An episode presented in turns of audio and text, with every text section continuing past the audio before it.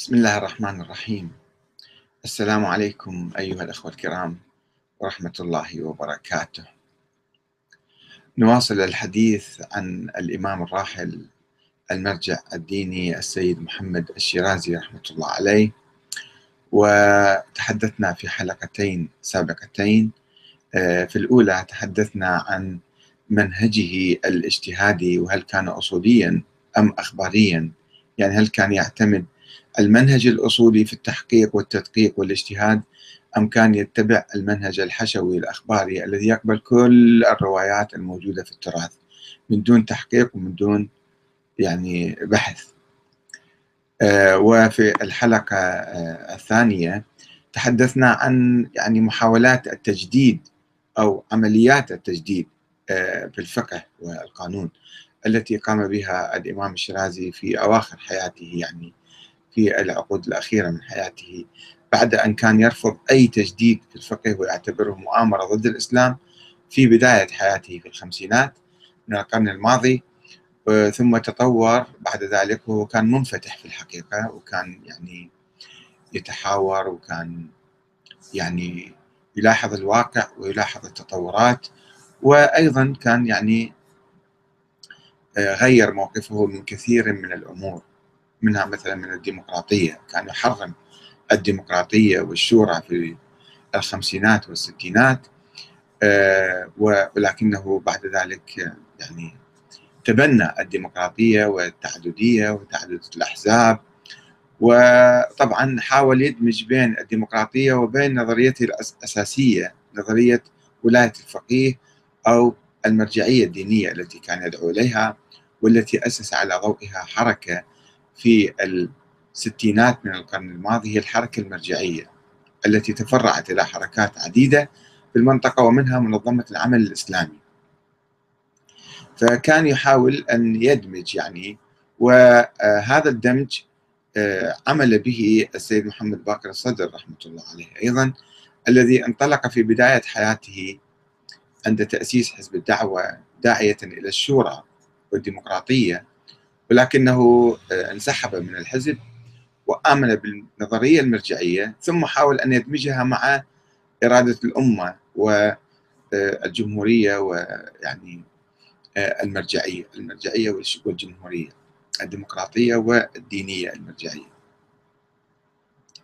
في هذه الحلقة أحاول أن أسلط الضوء على الحوار الذي دار بيني وبينه حول موضوع وجود الإمام الثاني عشر الغائب. هل هو حقيقة تاريخية أم فرضية فلسفية؟ وقد التقيت به آه، مباشرة قبل أن أغادر إيران آه، وتحدثت معه حول الموضوع وهو يعني قال لي أنه لم يبحث هذا الموضوع بصورة يعني اجتهادية بصورة عميقة فقلت له أنا قمت ببحث هذا الموضوع ولم أكتبه بعد وسوف أكتبه وأقدمه لك لكي تعطيني رأيك في الموضوع.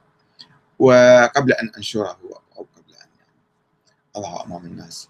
وهكذا تم في الحقيقة. أنا أرسلت له الكتاب بعد ما أكملته ورسمتين وأيضا بعثت له برسالة ل آه، يعني آه، للاطلاع على الموضوع آه، ورسالة أخرى حول صلاة الجمعة. قلت له أنك يعني لا تزال متأثر بالفكر السلبي آه، القديم الذي يحرم أو لا يوجب على الأقل آه، صلاة الجمعة عينا آه، لأنك تؤمن بانتظار الإمام. رغم أنك تؤمن بإقامة الدولة ولكنك لا تزال متأثر في بعض المخلفات فكر التقية والانتظار الفكر القديم. اللي كان مخيم على الشيعة ولا يزال مخيم عند بعض الأوساط المرجعية و يعني هناك عملية تحول وتغيير الآن تجري كبرى في الفكر الشيعي. آه، فالآن أنا أعرض بخدمتكم الرسالة التي كتبتها إليه ودعوته إلى إعادة النظر في موضوع وجود الإمام الثاني عشر. طبعا هو كان صعب عليه عايش في آه، قم في إيران. ووسط المرجعية وهو عنده مشروع مرجعي إمبراطورية يعني. آه، فمن الصعب أن يتخلى أو يعيد النظر في هذا الموضوع الحساس جدا الذي يهدم كل ما بنى تقريبا. ولكنه آه، في النهاية عندما نشرت كتابي لم يناقشني في بداية آه، الفترة التي يعني قدمت له الكتاب. مسودة الكتاب مطبوعة على ورق وكتب كتابا حول الإمام المهدي. كتاب كراس يعني كما ترون. كراس من 130 135 40 صفحة من القطع المتوسط وهو آه، كتاب يعني طريف جدا الحقيقة لأنه أصلا مو علمي الكتاب ولا يؤمن بشيء اسمه. يعني الآن أعرض بخدمتكم يعني محتوى هذا الكتاب. الإمام المهدي عليه الله تعالى فرجه. الإمام سماحة المرجع الديني الأعلى الإمام السيد محمد حسين الشيرازي. هذا ما رد به على رسالتي ودعوتي له لمراجعة هذا الموضوع. الآن نقرأ الرسالة ونقرأ ملخص الكتاب هذا.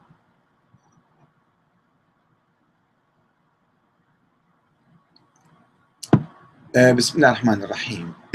سماحة المرجع الديني الكبير الإمام السيد محمد الشيرازي دام ظله السلام عليكم ورحمة الله وبركاته وأبقاكم لنصرة دينه الحنيف. سيدي الكريم لا شك أنكم تدركون أهمية موضوع التاريخ والتاريخ الإسلامي الشيعي بالذات وتشكيله جزءا من عقيدتنا حول أهل البيت عليهم السلام. وأن هذه العقيدة التاريخية وما تحمله من نظرة إلى أئمة أهل البيت تشكل آه، مقدمة أو قاعدة أساسية للفقه.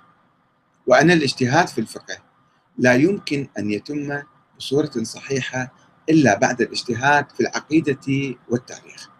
وخاصة فيما يتعلق بنظرية الإمامة الإلهية لأهل البيت ووجود أو عدم وجود الإمام الثاني عشر محمد بن حسن عسكر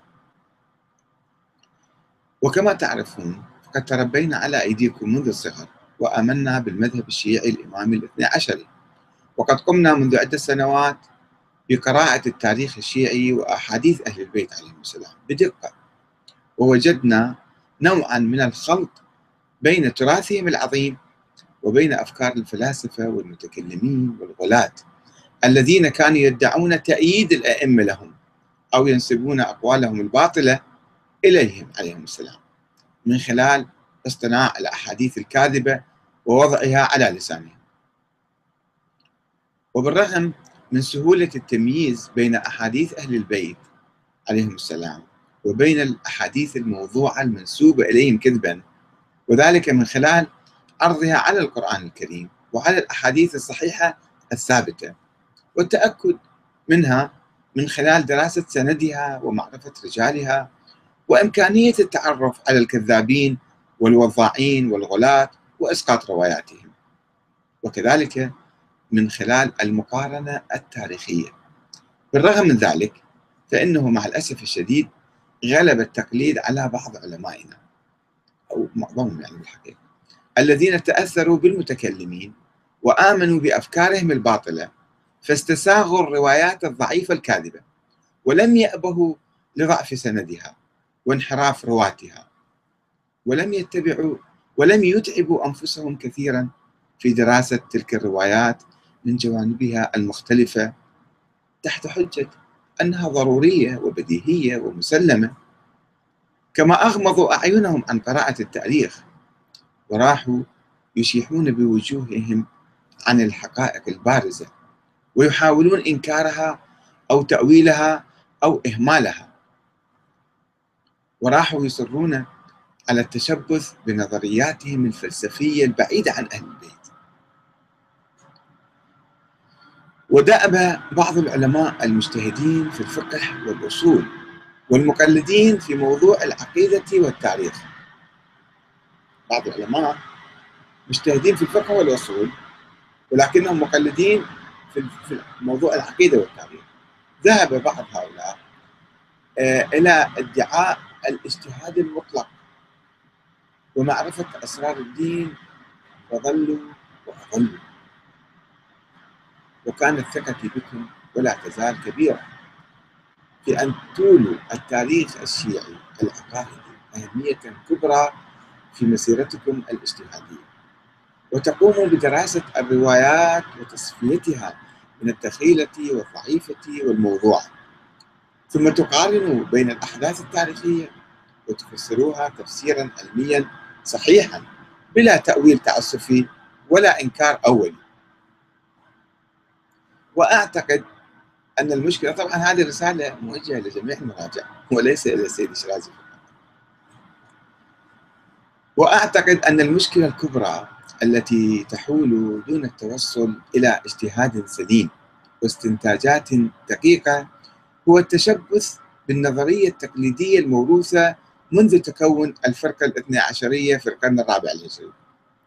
والتصديق بالأحاديث التي وضعت ذلك الحين على لسان الرسول الأعظم والأئمة من أهل البيت في أن الأئمة اثنى عشر. وهم فلان وفلان وفلان. كما ورد مثلا في كتاب سليم بن قيس الهلالي الموضوع. هذا كتاب موضوع في القرن الرابع. مختلف. الذي ظهر في ذلك العصر ولو قمنا أولا بدراسة أحاديث الاثنى عشرية. التي تتحدث عن الأئمة الاثنى عشر. أحاديث الاثنى عشرية. وتحققنا منها واحدا واحدا.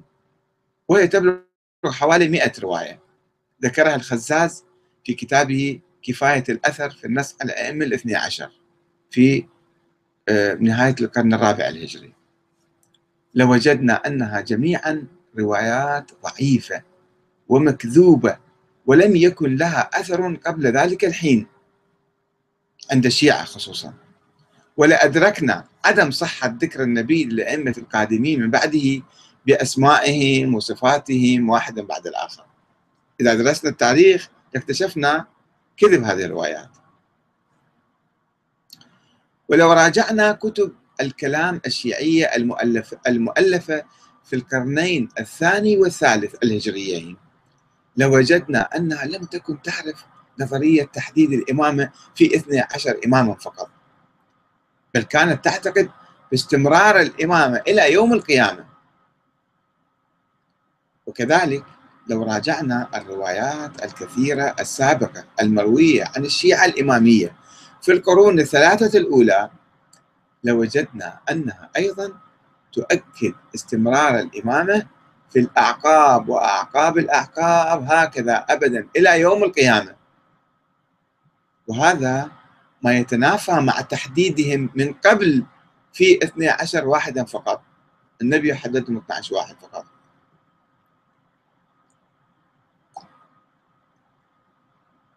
وإن ما يؤكد هذه الحقيقة حقيقة عدم تحديد أسماء الأئمة من قبل.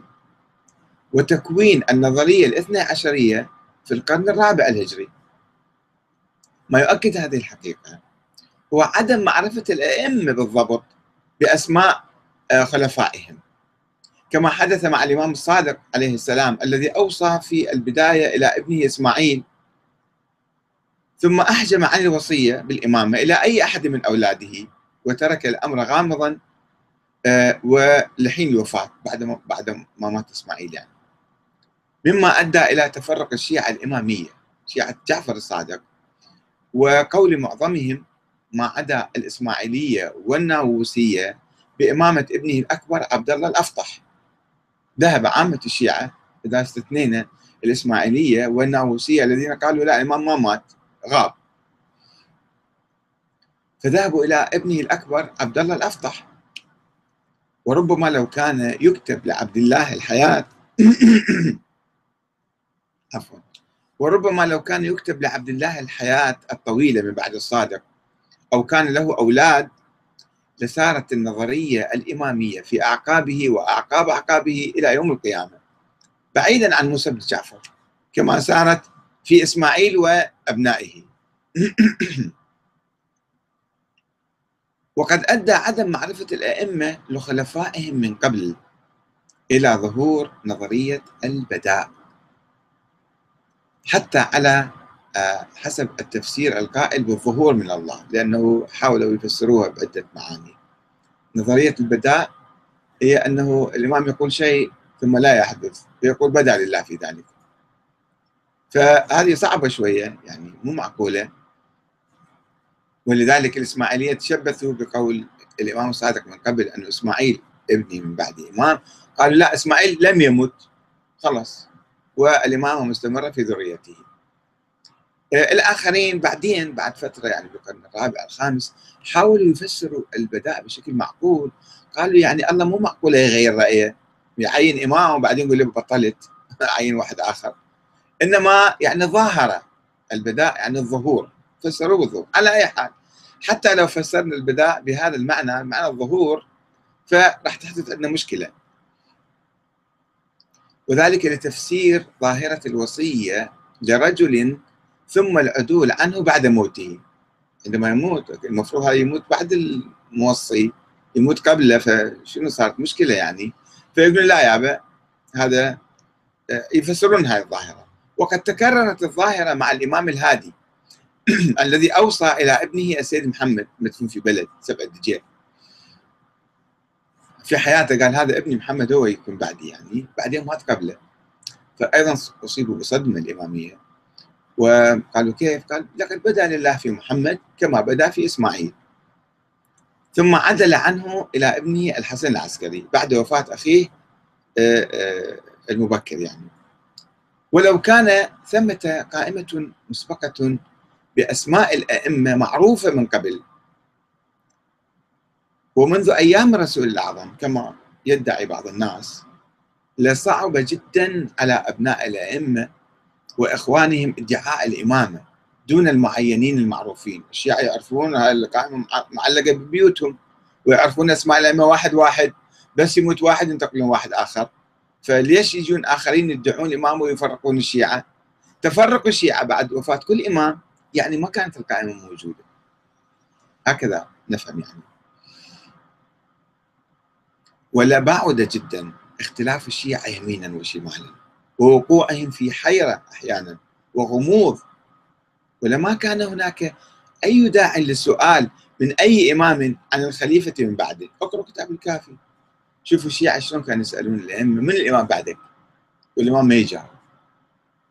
أو يجاوب بشكل غامض أو علامات ليش؟ لأنه ما في قائمة معلقة ببيوتهم. ولما كان هناك أي داع للسؤال من أي إمام عن الخليفة من بعده والإلحاح عليه بشدة في طلب الجواب. ورفض الأئمة الجواب عادة إلا بالعلامات والإشارات والمواصفات كقولهم مثلا إنها في الأكبر. ولم ولما مات تلامذة عظام للأئمة كزرار بن أعين وهم لا يعلمون من هو إمام الزمان. زرار بن أعين يعتبر من أكبر تلاميذ الإمام الصادق ويؤمن بالنظرية الإمامية. والإمام أوصى إلى إسماعيل وإسماعيل مات وبعدين ما يعرف من الإمام بعد الصادق عنده أولاد عديدين فوضع الكتاب على صدره وسمع وفاة الإمام الصادق وهو يحتضر على فراش الموت. فوضع القرآن على صدره وقال اللهم اشهد إني أثبت إمامك من يثبته هذا المصحف. أنا ما أعرف الإمام من هو. أعظم تلامذة الإمام الصادق ما يعرف منه الإمام بعد الصادق. يعني ما موجودة قائمة مسبقة بأسماء الأئمة الاثني عشر.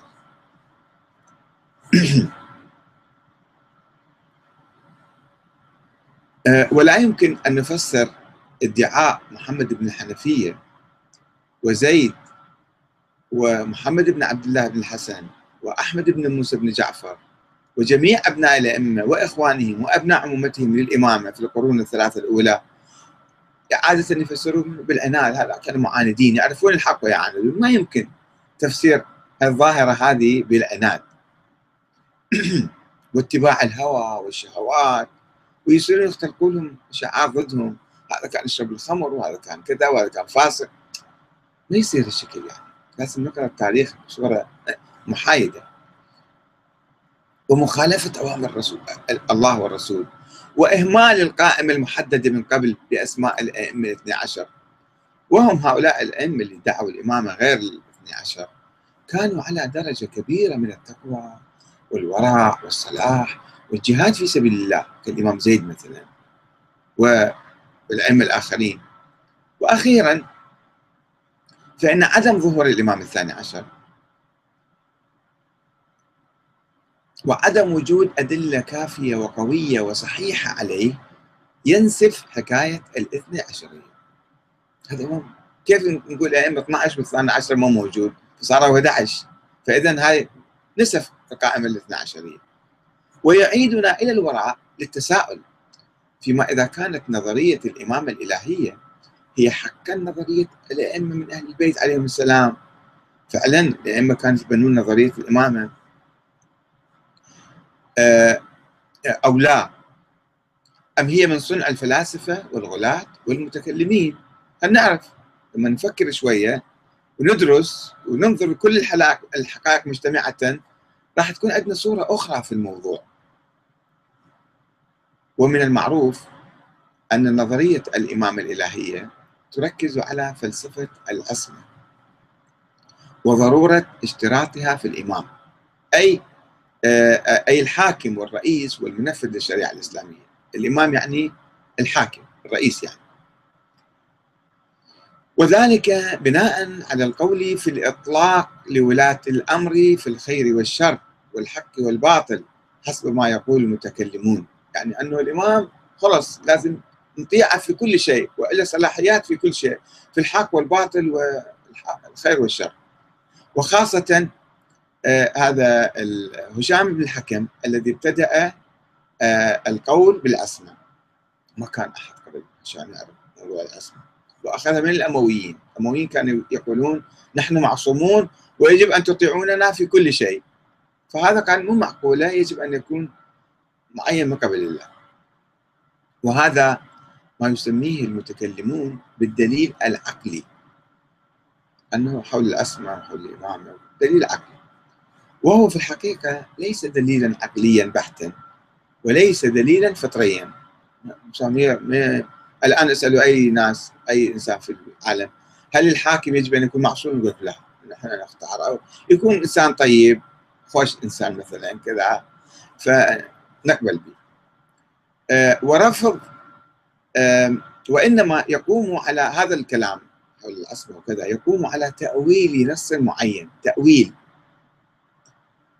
والقول بالإطلاق ورفض النسبية في الطاعة الواردة في الآية الكريمة. الآية الكريمة ماذا تقول؟ يا أيها الذين آمنوا أطيعوا الله وأطيعوا الرسول وأولي الأمر منكم. طيب قالوا إحنا نطيعهم مثل ما نطيع الله والرسول بصورة مطلقة نطيع الأمر بصورة مطلقة. إطلاق مو نسبية. يعني الله طبعا نطيعه طاعة مطلقة الرسول نطيعه طاعة مطلقة ولكن الإمام لا نطيعه طاعة مطلقة. إذا أمر بالحق والعدل نطيعه وكان إنسانا صالحا نطيعه أما إذا انحرف أو طغى أو فسد أو أي شيء كان أو أمر بباطل بمعصية فلا نطيع الإمام وأولي الأمر منكم. إذا فسرناها بالأئمة والحكام. آه، طبعا هم ما يقرؤون بقية الآية. فإن تنازعتم في شيء فردوه إلى الله والرسول. يعني أنه ممكن الأمة تتنازع مع الإمام وتشكك بأحكامه. أو ولي الأمر مثلا. وترجع إلى الله والرسول هاي الآية يقطعوها بالنص والأمويين كذلك كانوا يفعلون وهشام الحكم تبعهم في ذلك. فأخذ نظرية الإطلاق في الآية. هي مو مطلق الآية. آية صريحة عندما تقرأ الآية كاملة تشوف الآية تقول لك وإن تنازعتم في شيء فردوه إلى الله والرسول مع أولي الأمر يعني. آه المهم فإذا لازم الإمام يكون معصوم حتى لا يأمر بمعصية. هكذا كان يقول هشام بن الحكم. وعلى أي حال فقد قال المتكلمون الذين آمنوا باشتراط الأسمة في الإمام في الرئيس يعني الحاكم. بضرورة تعيينه من قبل الله بعد أن قالوا بعجز الأمة عن اكتشاف الإمام المعصوم. طبعا قال أول شيء الإمام يجب أن يكون معصوم وقعوا في ورطة. طيب كيف نعرف المعصوم؟ بالشورى ما يمكن نعرفه بالانتخاب ما يمكن نعرفه فإذا الله يجب أن يعين هذا الإمام. فقالوا بالنص. بعد أن قالوا بالأسماء قالوا بالنص. أن الأئمة يعينون بالنص من الله. وعدم إمكانية الشورى لأن تكون طريقا شرعيا لانتخاب الإمام. وضرورة بعدين قالوا بالنص وقالوا النص موجود في هذه السلالة العلوية الحسينية. وحصر الإمامة في أهل البيت وانتقالها بالوراثة في ذرية علي والحسين إلى يوم القيامة. فهي عندما صنعت هذه النظرية في القرن الثاني الهجري كانت نظرية بالحكم والرئاسة ممتدة إلى يوم القيامة. ما كانت محددة بعدد محدد لا 12 واحد ولا 12 ألف ولا 12 مليون. وقد أول المتكلمون واختلقوا روايات تفيد النصب من الرسول للإمام علي بن أبي طالب. حديث الغدير قالوا هذه يفيد النص يفيد النصب والتعيين. ثم حصروا الإمامة في أولاد الحسين دون أولاد الحسن. بلا أي دليل مقنع. لماذا؟ علم عند الله.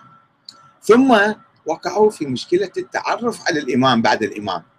طيب قلنا الإمامة محصورة في أولاد الحسين. كيف نعرف الأئمة واحد بعد آخر؟ ما نعرف. صعب. مشكلة يعني. فاخترعوا نظرية المعجزة. قالوا ها ما عندنا نص فعندنا معاجز تثبت إمامة الأئمة. كل إمام يجب أن يأتي بمعجزة حتى هو النبي محمد ما جاء بمعاجز. حتى يثبت نبوته للكفار لكفار قريش. هؤلاء قالوا ما عندهم طريق آخر حتى يبنوا هاي النظرية ويألفوها. فقالوا ها إذن آه كل إمام يجب أن يأتي بمعجزة حتى نعرف أن هذا هو إمام المعين من قبل من أولاد الأئمة المتعددين كل واحد يدعي الإمامة فالذي يأتي بمعجزة يصبح الإمام. كطريق لإثبات إمامة هذا أو ذاك. وادعى الغلاة نزول الوحي والملائكة على الأئمة والتحدث معهم. وقالوا بنظرية الجفر والنكت والنكر وعمود النور والإلهام وما إلى ذلك. وبالرغم من تناقض طبعا ما في أحد أحد الأئمة جاب معاجز هذه كلها نظريات كلام حكي يعني فارغ. وادعاءات باطلة. أي إمام ما جاب معجزة. بس هم يدعون المعاجز. للأئمة حتى يثبتون الإمامة لهذا أو لذاك كما في حديث آه، زين العابدين مع محمد بن الحنفية أنه ذهبوا ذهبا واحتكما إلى الحجر الأسود فنطق الحجر الأسود بلسان عربي فصيح وسلم على زين العابدين. معجزة. ولكن من يثبتها هاي المعجزة؟ بأي دليل؟ من قال؟ من رأى؟ من شاهد؟ كله حكي فارغ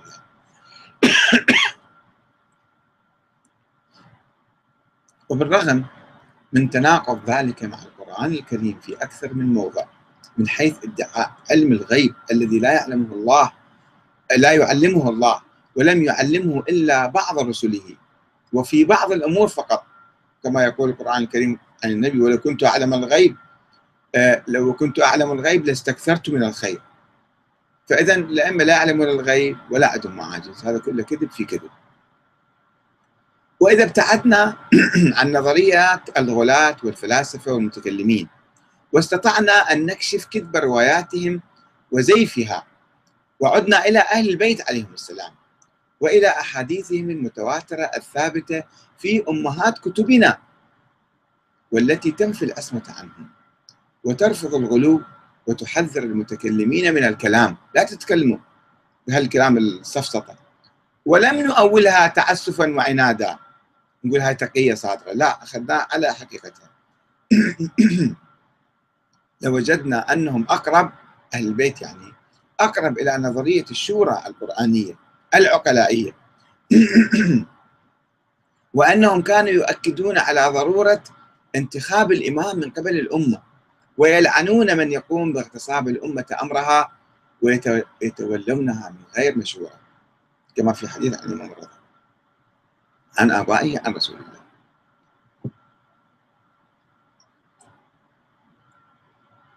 ويكفي لترجيح نظرية الشورى والإيمان بوهمية نظرية النص. نظرية الإمام القائم على النص والأسمى هاي نظرية وهمية ما قال بها أهل البيت. يكفي لترجيح هذه النظرية النظرية آه، مرور أكثر من ألف عام من تاريخ الأمة الإسلامية مع عدم وجود إمام ظاهر معين من قبل الله. حد يشك في ذلك. وعدم وجود حل آخر سوى نظرية الشورى. اللي الآن إحنا أخذنا فيها وكان يجب نأخذ بها قبل 1400 سنة. قبل 1000 سنة على الأقل. أه وعدم وجود حل آخر سوى نظرية الشورى أو الديمقراطية الآن تطورت يعني عمليا. وربما ستمضي مئات أو آلاف أو ملايين السنين إلى يوم القيامة مع عدم ظهور مصداق واحد من مصادق نظرية النص. وهذا ما يدعونا إلى التفكير بجدية وإعادة النظر مرة أخرى في عقائدنا الموروثة التقليدية اللي ورثنا عن أبائنا وأجدادنا. ويدفعنا للاجتهاد في قراءة التاريخ والعقائد على أساس القرآن الكريم والعقل والأحاديث الصحيحة الثابتة. يعني نعيد القراءة إلى آه، على ضوء الحقائق التاريخية والقرآن الكريم والعقل. ومن هنا فإني أعتقد أنكم يا سماحة الإمام الشيرازي ومن هنا فإني أعتقد أنكم تتفقون معي في الرأي على ضرورة إطلاق لقب المجتهد على من يجتهد في العقائد والتاريخ. قبل أن يجتهد في اللغة والأصول والفقه كما هو الحال الآن بين جماعتنا الذين يدعون الاجتهاد. من دون من يقتصر على الاجتهاد في المراحل السطحية الأخيرة التي تتأثر سلبا أو إيجابا بالمراحل الأولى الأساسية. إذا أنت ما متأكد من وجود الإمام الثاني عشر كيف تروي أحاديث عنه؟ إذا ما تعتقد أن الأئمة ما تعرف أن الأئمة هم ناس عاديين أو ناس مثل الأنبياء. كيف تأخذ الكلام من عندهم وتعتبر كلامهم حجة من الله عليك. هذا مسألة مهمة إذا يجب أن تتأكد من الموضوع قبل ما تروح آه، تبحث في الفقه وفي الروايات. وإن آه، إعادة بناء الحضارة الإسلامية من جديد تتطلب القيام بعملية اجتهاد كبرى أساسية وجذرية في العقائد والأصول الأساسية. كما أرى أن سماحتكم الكريمة بما عرف عنكم من جد واجتهاد وذكاء أقدر الناس على القيام بذلك. وفقكم الله ورعاكم وأسألكم الدعاء. والسلام عليكم ورحمة الله وبركاته. ولدكم أحمد الكاتب.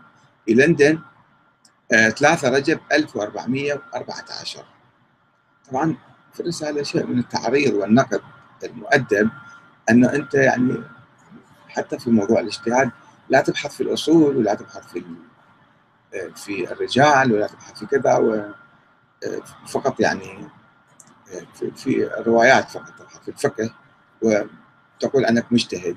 بينما المجتهد لازم مو فقط في الأصول والرجال والفقه يجتهد إنما عليه أن يجتهد في التاريخ والعقائد اللي هذا أصلا غائب عن معظم أو ما أقول كل علمائنا يعني يمكن واحد اثنين ثلاثة عندهم مجتهدين في الأمور بس عامة المجتهد أصلا ما مقترب من هذا الموضوع ولا باحث ولا يوجد أبحاث في الحوزة حول هالمواضيع ولا توجد حرية لبحث هذه الأمور وطرحها وإعادة النظر فيها. فهذه رسالة من قلبي يعني من الصميم بعد ما وصلت إلى نتائج معينة دعوته وهو له حق علي حق الأستاذية والتربية والتوجيه صغري يعني. أنه حاول وأنت رجل ذكي وعالم فعلا ذكي سيد الشرادي رحمة الله عليه. وطبعا هو كان يعني اللي جرأني على كتابة هذه الرسالة له هو كان يعني شهادة لله تعالى من خلال حياتي وعلاقاتي معه أنه كان متواضع. كان متواضع وكان يسمع. ومهما كان الكلام جارح وصعب وهو علمنا على هذا الشيء حقيقة. وأتذكر مرة 82 يمكن حوالي هذه. آه، هو كان ينتقد استمرار الحرب العراقية الإيرانية. وينتقد الإمام الخميني بدأ ينتقد. يعني بعد أن كان سنة أولى تقريبا هو علاقات طيبة عنده. فعندما سمعت نقده للإمام وللحرب أنا طبعا تعظت وهذا هو بأدب يعني في جلسة خاصة بيني وبينه في في يعني في بيتي الداخلي. وأعطانا غدا ذاك اليوم أيضا. فقلت له يعني تسمح لي أقول لك يعني أنت هذا الكلام اللي قاعد تنتقد أنت مقتنع فيه ولا يعني الشيطان دي يحركك أو دي يعني يلعب عبك يعني؟ كلام جريء طبعا. تلميذ تلميذ تلميذة يمكن. و يعني لأنه أنا كنت أحاول أيضا أنصحه يعني حسب موقعي يعني فضحك. لم يعصب ولم ينفعل ضحك. لا ضحك يعني قال سوف تفهم الموضوع في المستقبل. هذا 1982 فلذلك علاقتي معه كانت تسمح لي بأن يعني أحاول أن يعني أطرح عليه بعض الأفكار. لا أقول أوجهه أنتقده بشكل مؤدب. وهذه رسالة انتقاد صريح له يعني. أن أنت يعني ما باحث في الأمور وتعال ابحث. وهاي رسالة كما قلت لكم حقيقة لو يسمعني الآن بعض أدعياء الاجتهاد والمجتهدين والمراجع أن يفكروا في هذا الموضوع. رسالة لهم مؤدبة بدون اسم طبعا. يسمعوا هاي الرسالة ويفكروا فيها. هي تهدف إن شاء الله خير الأمة الإسلامية وخير الشيعة وخير المسلمين. على حال ماذا كان آه، وبعثت الكتاب بعد ما بعثت له رسالة آه، بعثت له الكتاب في ورق يعني إلى بعض الأشخاص الذين بعثت الكتاب لهم. فكتب بعد فترة هو ما جاوبني على هذه الرسالة بعد فترة كتب هذا الكتاب الرد على يعني موضوع على كتابي أو على يعني احمد الكاتب. فماذا جاء في هذا الكتاب؟ يعني كتاب يعني فعلا شوف تعليق عليه ما هو. آه، رد الشيرازي على أحمد الكاتب. آه، ومضت أكثر من خمس سنوات على إرسال الكتاب والرسالة دون جواب حتى قدمت مطابع بيروت كتابا بقلم سماحة المرجع الديني الأعلى الإمام السيد محمد الحسيني الشيرازي تحت عنوان الإمام المهدي عجل الله تعالى فرجه الشريف. صادرا عن مؤسسة المجتبى للتحقيق والنشر بيروت 1999 قبل ما يتوفى يمكن بوقت قصير جدا. وجاء في مقدمة الكتاب الإمام المهدي عجل الله فرجه نور له حقيقته الكونية والمقام التكويني العظيم. فبيمينه ترزق المخلوقات بأسرها. بيمينه ترزق المخلوقات بأسرها. هذا بالإضافة إلى مقامه التشريعي وأنه حجة الله على الأرض. فكما أن للشمس مكانتها الكونية ولذا إذا لم تكن إذا لم تكن إذا الشمس لم تكن لساخة الأرض كذلك الإمام المهدي المنتظر عجل الله تعالى فرجه. ولولاه لساخت الشمس أيضا. مو بس الأرض الشمس هم تصير حيث ورد أن بوجوده عليه السلام تثبت الأرض أو ثبتت الأرض والسماء كل كواكب السماء بإيد هذا الشخص. مع أن الشمس مادية فحسب والإمام المهدي مادي ومعنوي معا. فوجوده في غيبته لطف لا يستغنى عنه. والبشرية تنتظر ظهوره لكي يملأ الأرض قسطا وعدلا بعدما ملئت ظلما وجورا. ولا بد من يوم يظهر وحينئذ تتبدل الأرض غير الأرض فلا هي كالأرض الحالية ولا هي كالجنة. منطقة وسطى صريحة وبعد أن أعطى الشيرازي هذا الدور الخيالي الأسطوري للإمام المهدي المغالي جدا جدا جدا. ما أدري الشيخ حبيب حليم الغزي يؤمن بهالاشياء أو لا ما أعرف لأنه يقول أنا فوق فوق فوق. آه، دون أن يقدم أي دليل على مزاعمه أو يستشهد بأي آية من القرآن الكريم أو أي حديث ولو ضعيف حتى يجيب لي الأفكار هذه. من وين جايبه ما أدري من وين. التي آه، قام بتسجيل عنوان جديد في كتابه. هو ولادة الإمام عليه السلام واسمه المبارك ضمن الكتاب. وذكر مجموعة من القصص التي رواها الأولون مثل الصدوق والطوسي والمفيد حول ولادة الإمام المهدي الثاني عشر محمد بن حسن العسكري. دون أن يحقق فيها أو يذكر رواتها أو يعلق على الانتقادات التي وجهتها للكتب والمؤلفين والرواة في بحثي المقدم إليه قلت أن هذه الرواة رواة كذابين وما فيها أسناد ومو صحيحة. هو أصلا ما علق على الموضوع.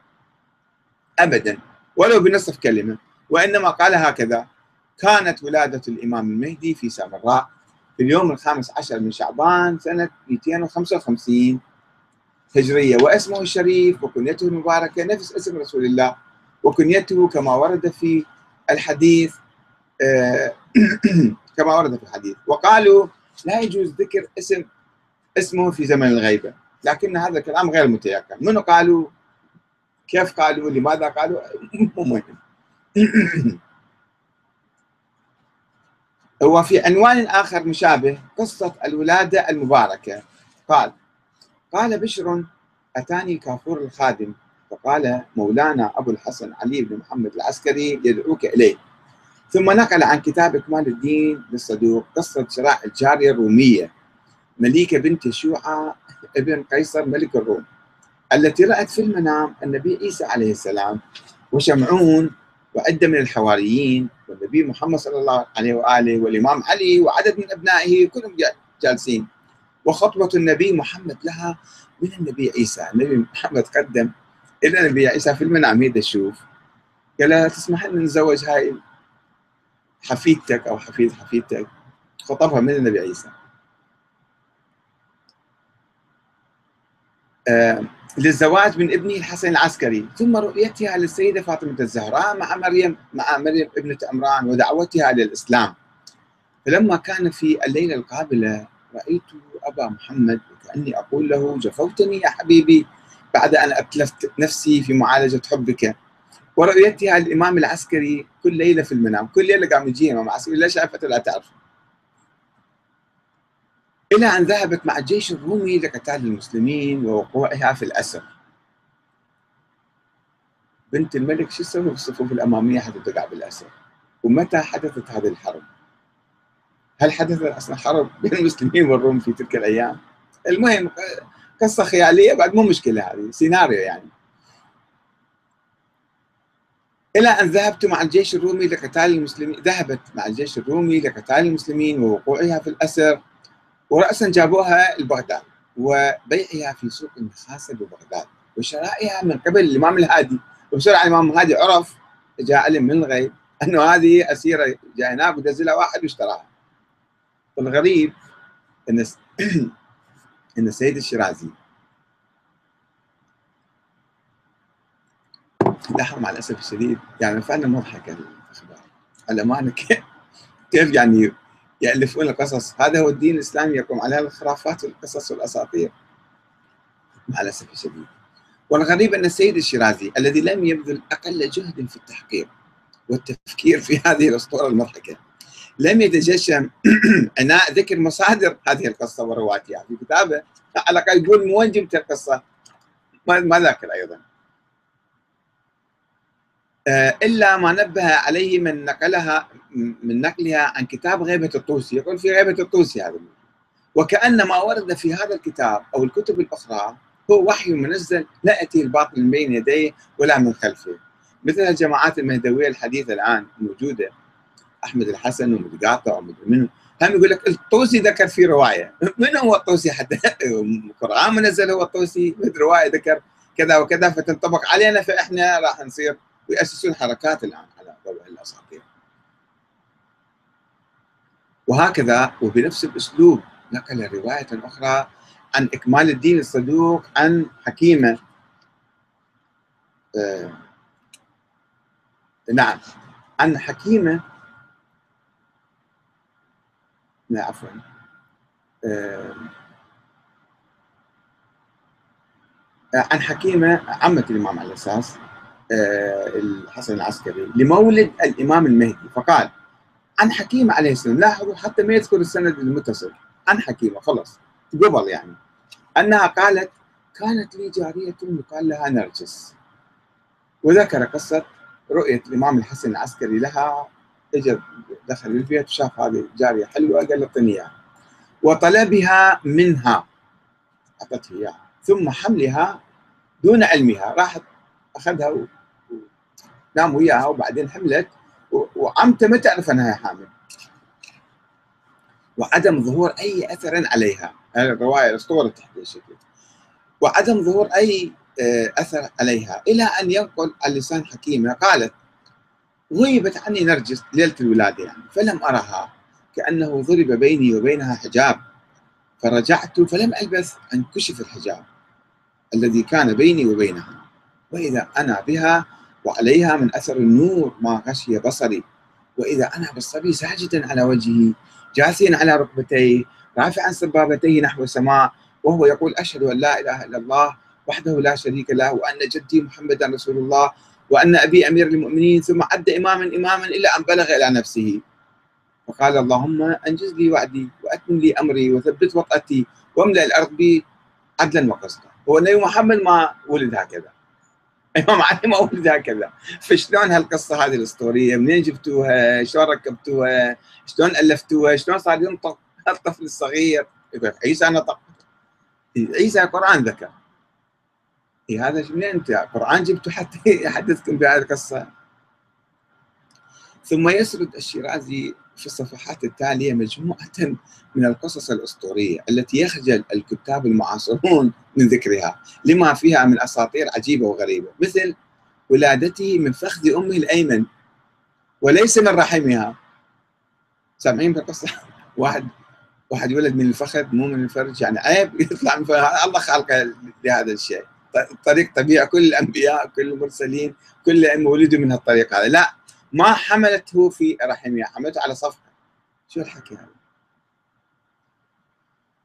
هو سطوع نور هائل عند ولادته وبلوغه أفق السماء. ما شاء الله غطى العالم. وتحليق طيور بيضاء يعني ملائكة. وتحليق طيور بيضاء ومسح ومسح أجنحتها على رأسه. وتسليمه على أبيه. الطيور قاعد تسلم على أبوه. سلام. وأخذه من قبل أحد الطيور إلى جو السماء شالوه سرقوه وراحوا وعودته بعد أربعين يوما وهو صبي يمشي ابن سنتين. بعد أربعين يوم صار عمره سنتين. ونموه خلال أيام قصيرة بهيئة رجل كبير. بعد كم يوم صار رجال كبير. هاي الأشياء ضرب الإسلام ضرب الشيعة ضرب المرجعية ضرب العلماء ضرب المراجع. أنا هذه أقول لكم يضحكون عليكم الناس. يعني فعلا مضحكه سوونا ذول الاخباريين وعندهم إذاعة وقناة ويدعون الأخبارية بعد. هاي هاي نتيجة الأخبارية. وربما كان كتاب الشيرازي ملخصا سيئا ومشوها لكتب الصدوق والمفيد والطوسي عن الامام المهدي هاي كلها موجودة. طبعا ذيك الكتب ذيك الأيام قبل ألف سنة. وأضعف منها بكثير. أضعف من ذيك الكتب. ليش؟ لأنه حذف ما يوجد فيها من أسانيد ضعيفة على الأقل. لذلك ذكروا القصة جبتها مو من عندي من فلان واحد قال لي هذا حتى الواحد ما قال. ولم يعلق عليها بشيء. ولم يذكر الدليل الفلسفي الاعتباري العقلي الذي آه عفوا الذي أوردوه في مجال الاستدلال على الموضوع. والذي قالوا إنه أقوى الأدلة المتوفرة. هم ذاك اللي نظروا لوجود الامام الثاني عشر. قالوا كلها قصص نجيبها يعني لا تضحكون عليها هواية أو لا تتوقفون عندها هذه نجيبها هيك من باب المساندة والتأييد وإنما دليلنا على الاعتقاد بوجود ولد للحسن العسكري هو العقل. الدليل العقلي الاعتباري يسمونه مو الدليل هذه ما تشكل أدلة يعني بس هو عارف الدليل العقلي الشيرازي وتمسك بهالخرافات والأساطير. وعندما آه، وقع بصري على كتاب الشيرازي الذي جاء فيما يبدو ردا على كتابي. ما ذاكر طبعا هو رد على الكاتب بس هو فعلا يعني. آه، قلت إنه لا يتناسب ابدا مع الذكاء الذي يتمتع به المرجع الكبير. فعلا يعني ما يناسب. الرجال هو فاهم وذكي وقاري كثير وقاري كتابي على الأقل يعني يعرف شنو موجود في البحث فهو إما اعتراف بالعجز. يقول هذا كلتنا هو ياكد خرافيه يعني. وإنه ربما كتبه في محاولة للتبرؤ مني تحت الضغوط التي اتهمته بعلاقة معينة معي. في الأيام نشر بعض الصحف أنه أحمد الكاتب مبعوث من السيد الشيرازي حتى ينسف نظرية المهدي وبالتالي ينسف نظرية ولايه الفقيه. صحيفة أميد في الأيام. هذا الشيء آه، يريد يتبرع يقول لا يا أبا أنا ترى شوفوا أني كاتب كتاب على أثبت الامام المهدي وجايب القصص أو إنه يحاول التأكيد على ما توصلت إليه يعني يحاول يأيد كلامي. أنا تحليلي يعني انه هذا الكتاب مو معقول. السيد الشيرازي يكتب هذا الكتاب. كتاب غريب يعني فعلا كتاب غريب وعجيب مضحك جدا. يريد ياكد أنه صحيح أنت تقول بصوره يعني ثانية. من خلال الرد الضعيف والضعيف جدا. وإلا فإن كل من اطلع على الكتاب استغرب من أسلوب الشيرازي في البحث والذي لا يتناسب مع طالب مبتدئ. فكيف بمجتهد أو مرجع تقليد؟ شلون يكتب هكذا كتاب مو معقولة يا أخوان. يا جماعة صدقوا مو معقول. خصوصا وإن بين يديه كتابا شاملا يرد كل تلك الروايات ولا بد أن اطلع عليه قبل أن يتعب أنامله في الرد. ولا بد هنا من من الربط بين هذا الكتاب وبين نظرية الشيرازي الأصولية وموقفه من المنهج الأخباري. إذا أردنا نصدق يعني. نصدق أنه هو كتابه بصورة جدية مو يضحك مو يمزح يعني بالكتابة هذه. ونظريته الأصولية وموقفه من المنهج الأخباري الحشوي اللي يصدق كل الروايات الذي أدى به إلى التعامل مع قضية عقدية أصولية كقضية وجود الإمام الثاني عشر بهذه الصورة الحشوية الفريدة. هاي نتيجة المنطق الأخباري والمنهج الأخباري.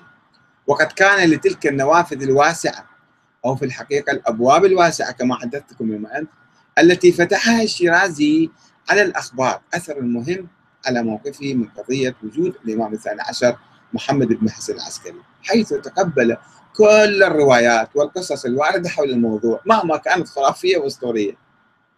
دون أي نقد أو تمحيص أو دراسة أو مراجعة أو تفكير واعتبرها من الضروريات التي لا تحتاج إلى دليل ولذلك لم يستطع التمييز بين الحقائق والأساطير الدخيلة في التراث الشيعي. أنا بهالمناسبة أسأل آه، أخوه أخاه يعني السيد الصادق الشيرازي لأنه هو مرجع يقود الحركة بعد أخير آه، الشيرازي السيد صادق الشيرازي اللي هو أيضا رجل عالم يعني فعلا وهو ساعدني في موضوع كتابة يعني البحث حول ولاية الفقيه سنة 88 89 وأعتقد هو عالم أيضا يعني ما سمعنا له رد آه، حول الموضوع. وننتظر من عنده في الحقيقة أن يخرج من الإطار لله يقول كلمة يخرج عن الإطار الاجتماعي المحيط به والحركة المرجعية وما إلى ذلك ويكتب كتاب في شيء يفيد الأمة الإسلامية في هذا الموضوع. على أي حال آه، أختم آه، هنا وإن شاء الله نواصل حلقاتنا آه، القادمة في مواضيع أخرى ومشابهة. والسلام عليكم ورحمة الله وبركاته.